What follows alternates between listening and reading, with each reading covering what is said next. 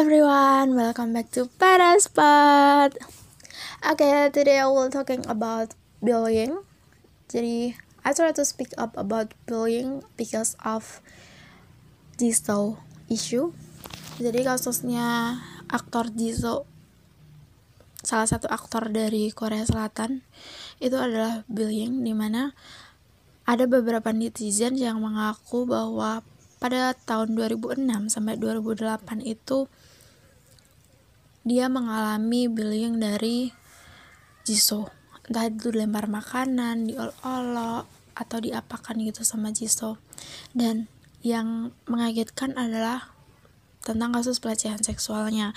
Selain ada netizen yang bilang seperti itu ada netizen juga yang bilang bahwa dia mempunyai rekaman video di mana Jisoo melakukan pelecehan seksual terhadap salah satu perempuan teman perempuannya pada waktu itu bahkan dia meminta teman-temannya untuk membantunya ejakulasi di depan wajah teman perempuannya itu. Gimana shocknya ya? Rasanya apa ya uh, jadi korbannya itu. Saya kira awalnya itu terlalu di ada-ada oleh netizen tersebut gitu karena dari yang saya baca itu terlalu didramalisir gitu kan. Eh ternyata beberapa jam yang lalu Jisoo menulis sebuah surat pernyataan dan diupload di IG yang di mana dia mengakui bahwa dia melakukan hal tersebut dan itu membuat sebagian orang termasuk saya ada sedikit kecewanya sih sama Jisoo gitu tapi saya apresiat karena dia berani mengaku itu di mana dramanya yang dia sedang mainkan itu sedang tayang. Dan di sini yang pengen saya mention adalah menurut saya bullying itu tidak bukan kasus yang remeh-temeh atau yang perlu kita pandang sebelah mata gitu. Karena kasus itu tuh ada di sekitar kita ada di lingkungan sekolah kita mungkin ada di lingkungan sosial kita mungkin gitu.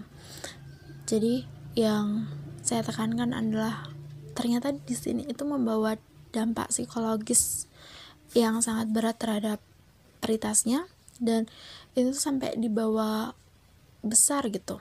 Sampai dia dewasa itu masih kebawa ketakutannya atau takut melihat pelakunya gitu.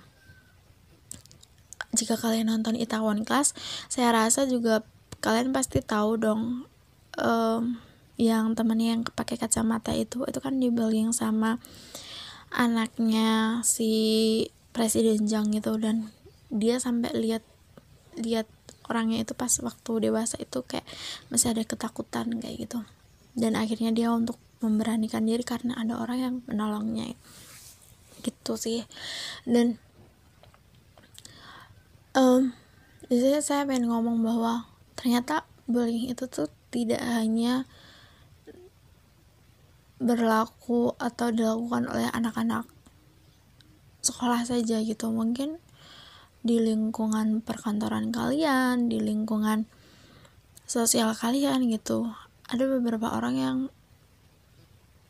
menjadi korban bullying itu sendiri. Sebagai contoh adalah ketika waktu SD gitu kan. Mungkin bagi kalian anak perempuan ada yang sudah uh, menstruasi waktu SD gitu dan teman-teman perempuan kalian yang lain itu belum mendapatkan mens itu gitu kan dan akhirnya oh tahu. Kenapa sih kok bisa dia mens gitu? Terus akhirnya kalian perolok-olok kayak gitu. Karena merasa bahwa dia tuh berbeda dan mungkin bisa dibilang apa ya uh, dewasa terlalu cepat atau mendapatkan siklus yang terlalu cepat itu masih tabu. Jadi pendidikan tentang hal itu pendidikan tentang seks pendidikan tentang uh, alat reproduksi perempuan dan laki-laki itu mungkin yang harus kayak di dibelajarkan sejak SD sih menurut saya itu. Karena takutnya akan berdampak pada bullying itu sendiri gitu. Dan akhirnya akan berdampak psikologis lagi ke korbannya itu gitu. Mungkin yang pernah melakukan itu cobalah untuk minta maaf gitu. Dan yang kedua adalah saya ingin bicara adalah bullying di tempat kantor di mana uh, tidak sedikit juga orang yang melakukan itu. Mungkin bisa dinilai dari bentuk fisiknya gitu. Ada orang yang bilang kok kamu kurusan sih? Kok kamu gini sih? Kok kamu jelek sih? Kayak gitu. Dan itu di kantor di mana itu adalah sebuah public space.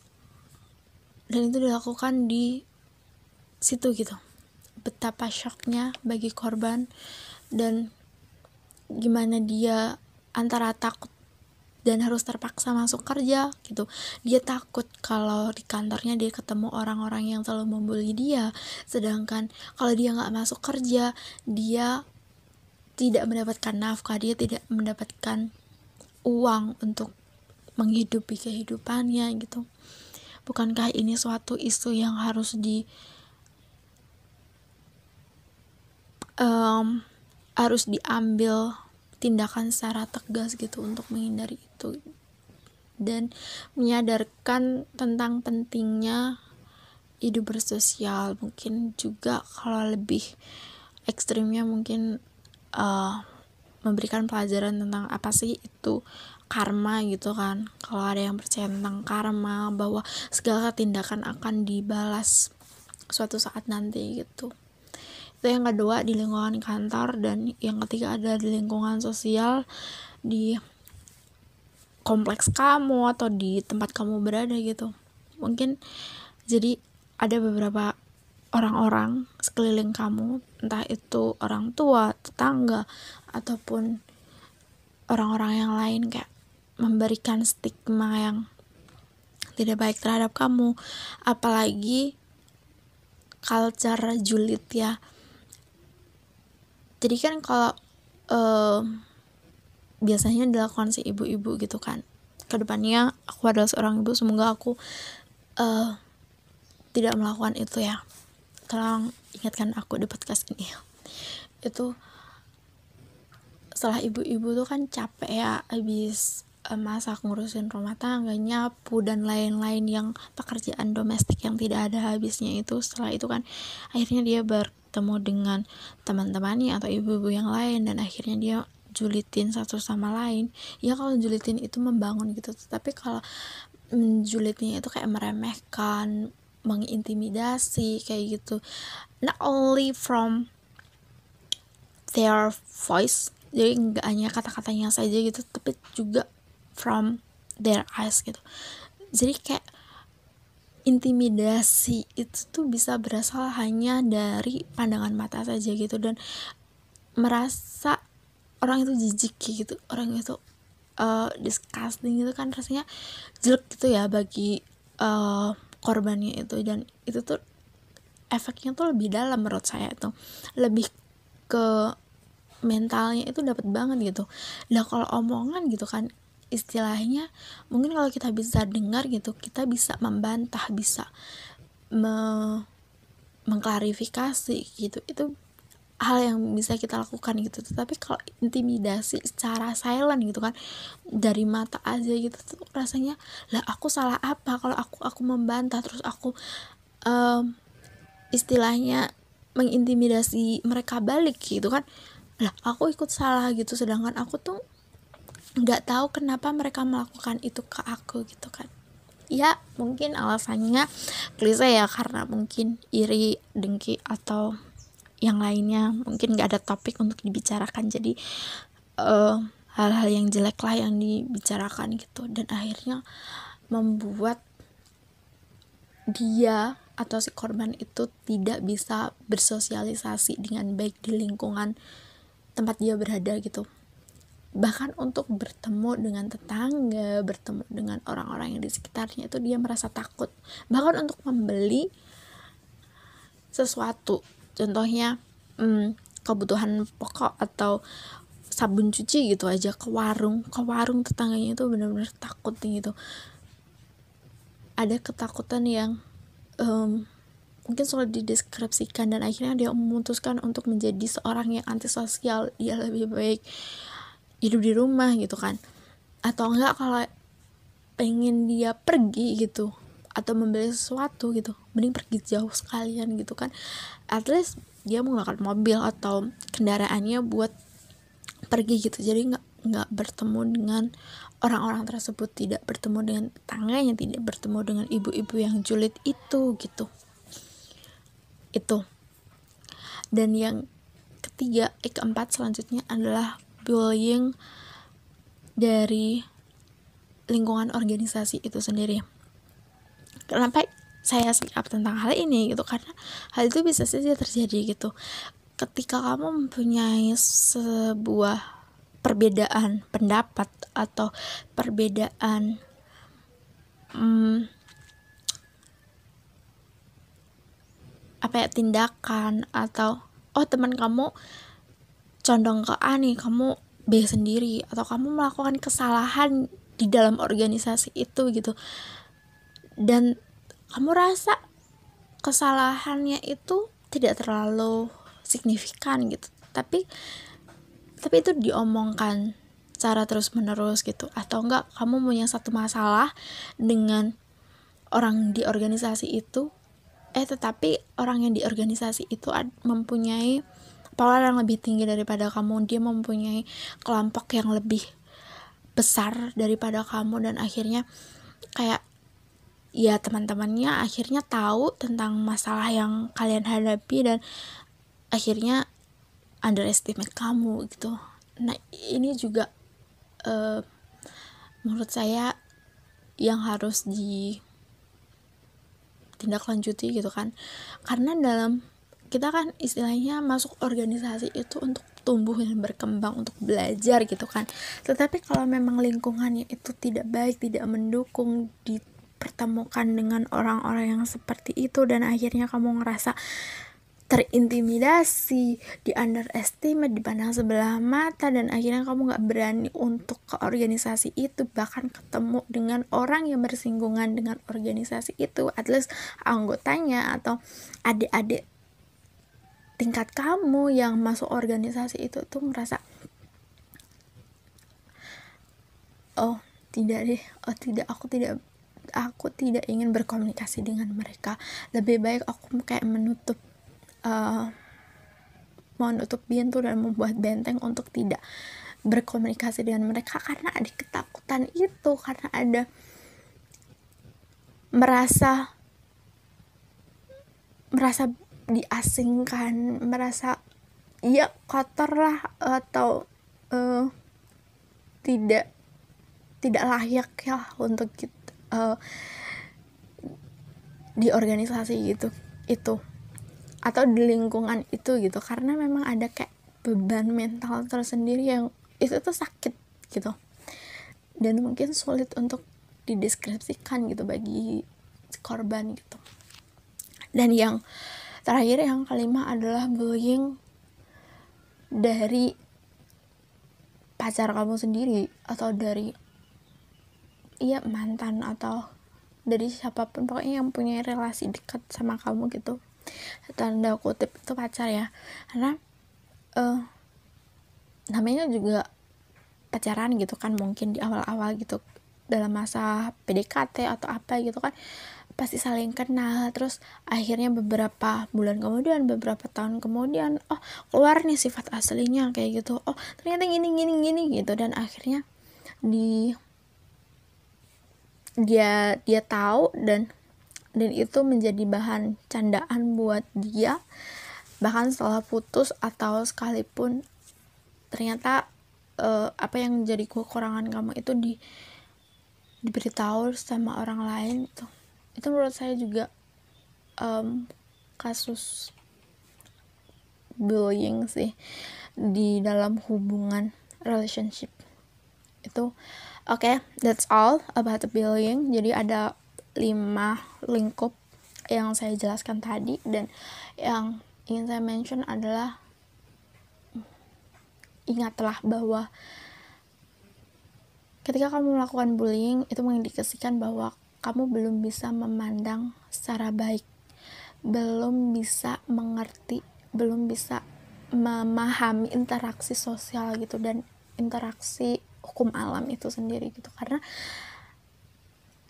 sosial ini tuh terlalu kompleks manusia itu menurut saya kompleks sekali baik itu dari sifatnya baik itu dari strukturalnya gitu. Secara fisik juga kompleks gitu kan so uh, belajar tentang hal itu dan belajar bahwa segala sesuatu itu akan kembali ke kita. Jadi apa yang kita makan itulah yang akan mengenyangkan kita. Gitu sih akan kembali ke kita. Entah itu bagaimana bentuknya dan bagaimana caranya. Contohnya jika uh, kamu melakukan A gitu kan melakukan bullying terhadap A bisa jadi kamu mendapatkan bullying itu dari D bukan dari si A gitu. Karena si A udah takut banget untuk bertemu kamu gitu. Oh ya dan satu lagi kasus bullying itu bisa terjadi di lingkup keluarga. Meskipun kita tahu di dalam keluarga itu um, unconditional love ya. Tapi it, kasus bullying itu tidak di bisa dihindarkan di lingkup keluarga gitu. Contohnya adalah bahwa ada kakak beradik yang mungkin adiknya nakal atau apa terus dibullying sama kakaknya kayak gitu. Atau sebaliknya itu bisa banget terjadi. Atau enggak uh, keluarga besarnya yang mungkin bahwa oh kenapa sih dia rambutnya keriting? Oh kenapa sih uh, kulitnya kayak gini? Gitu kan. Ah ini pasti ikut sama bapaknya ini pasti ikut kayak ibunya gitu kan.